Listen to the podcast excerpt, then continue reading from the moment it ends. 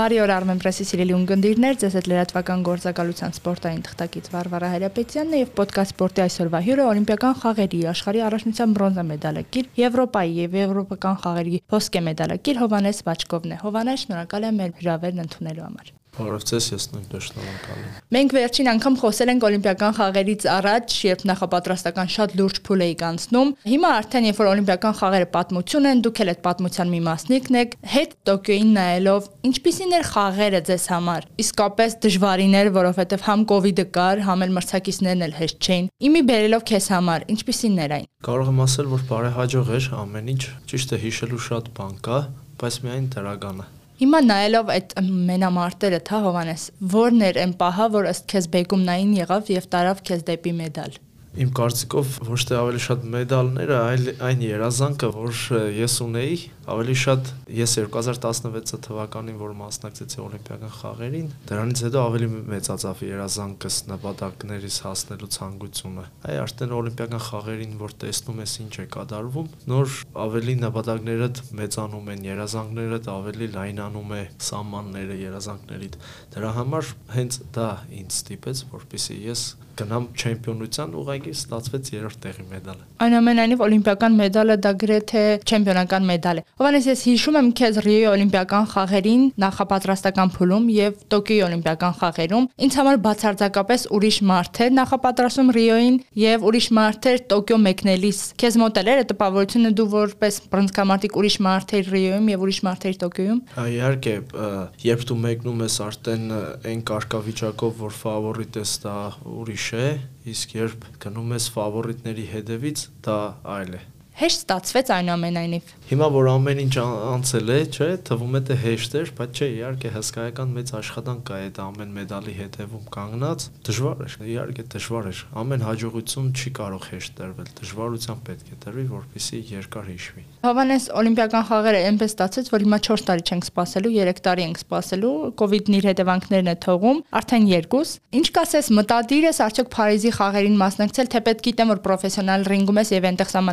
սահմանափակումներ կան։ Ուզում ես դու թե դեռևս չես մտքի եկել։ Անկեղծ չգիտեմ այդ հարցի պատասխանը ես ինքս, ցանկություն ունեմ իհարկե, բայց թողել եմ Աստծո հույսին։ Լավ։ Օրեր առաջ, շաբաթներ առաջ, այսինքն բրոնզկամարտի պրոֆեսիոնալ ռինգում անցկացրեցիք հերթական մենամարտը, նախ ընդունեք իմ շնորհավորանքները։ Շնորհակալ մեծ նախապատրաստական փուլ անցակ։ Նախընտրում մի քիչ պատմեք ինչ էր իրենից ներկայացնում նախապատրաստական փուլը, որովհետև Դուբայում եք եւ հետեւելով ձեր սոցցանցերին հասկացա, որ շատ դժվարին եւ բարդ նվիրված աշխատանք եք անում։ Այո, ծանրաբեռնվածությունը մեծ էր, բայց ավելի դժվար էր ընտանիքից հեռու նախապատրաստվելը լինելը։ Ճիշտ է, դա մեզ համար մի քիչ արդեն սովորական է դառը, բայց դե համենայն դեպս մենք ընտանիք սիրող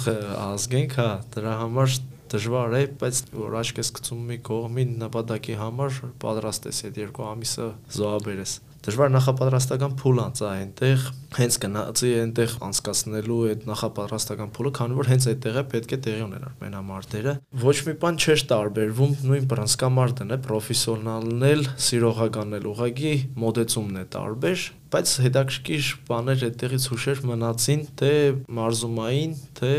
այդ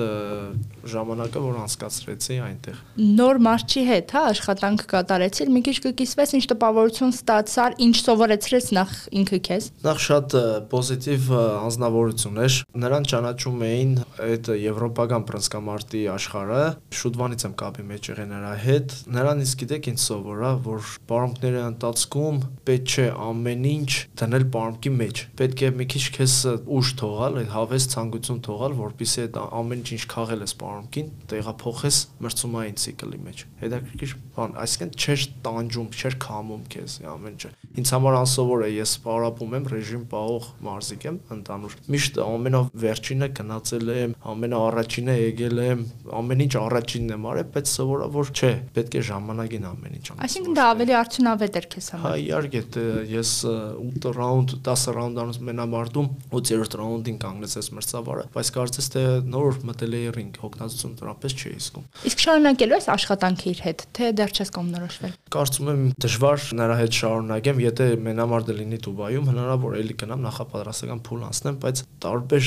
մտքեր, տարբեր նպատակներ կան, դրա համար հստակ այդ պատասխանը չեմ կարող տալ, բայց եթե աշխատեմ, կարող եմ մենամարտում էլ նրա այդ պատրաստեմ, կարող է եւ էլ ոչ, չգիտեմ, չեմ կարող ասել։ Տեսնեք ինչպես կստացվի ես որտեղ շոուներ կլինի, որտեղ մենամարտերս կանցկացնեմ։ Հասկացա։ Ամեն ինչ կախված է քո պրոմոթերական ընկերության որոշումից եւս։ Չէ, ամեն ինչ կախված է դե թե ես ինչ եմ նախընտրում ներգապային։ Մնալու եմ սիրողականում, շարունակել եմ պրոֆեսիոնալ բռնցքամարտը, մնալու եմ արտերգրում, գնալու եմ արտերգրից, որ երկիր եմ գնալու, այդտեղից նոր շատ երկար հարցաշարուն ես դեռ լրացնելու Հովանես։ Լավ, վերադառնանք քո մենամարտին, հա, ինքդ ասացիր, որ 8-րդ ռաունդում դեռևս այսպես երկրորդ շնչառություն էր բացվել քեզ համար։ Մրցակիցդ էր բավականին տարիքով էր։ Գուցե դա դեր խաղաց քո նախապատրաստական մեծ փուլը դեր խաղաց։ Ինչպիսի տպավորություն ստացա ռինգում, ինչպիսին էր դու ինքդ։ Նայեք, տարիքով էր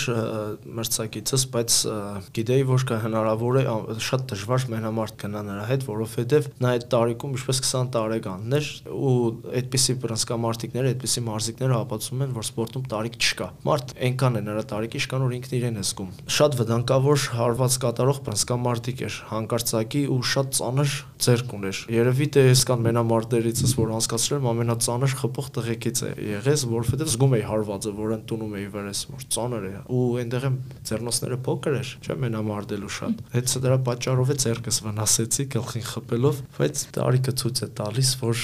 ուղակի փորձ է իսկ հետաքրքիր է ինչ ես մտածում այդ պահին ռինգում երբ որ զգում ես որ մրցակիցը այն չէ ինչ որ դու այսպես ենթադրում էիր եւ պետք է արագ կողմնորոշվես ուղղակի այն ինչ որ պլանավորել ես որ պետք է մենամարտի ընթացքում լինի ավելի արագացնում է այդ process-ը հետաքրքիր է հովանես չկա մի բրոնզկամարտիկ որ չի ուզում աշխարհի չեմպիոն դառնալ, որովհետև բոլորի երազանքը աշխարհի չեմպիոնն է, օլիմպիական մեդալն է եւ պատմության մեջ մնալն է։ Դու քո քաշային գարկի ֆավորիտներից ես, չեմ վախենա այդ բառից, բայց գիտես նաեւ վստահ եմ, որ գիտակցում ես, որ ճանապարհ ունես անցնելու դեպի աշխարհի չեմպիոնություն։ Ինչպես ես պատկերացնում այդ ճանապարհը եւ ինչքան ժամանակ կպահանջվի քեզնից այնուամենայնիվ դառնալու ֆավորիտից դեպի թագագիր։ Խոսքը պրոֆեսիոնալ պրասկամարտի պրոֆեսիոնալի մասին, այո, դեռևս պրոֆեսիոնալի։ Ես երկու անգամ ավելի արագ պետք է այդ գոտուն հասնեմ, քան սովորական, որ մտնում են պրոֆեսիոնալ բռնցքամարտ, քանի որ արդեն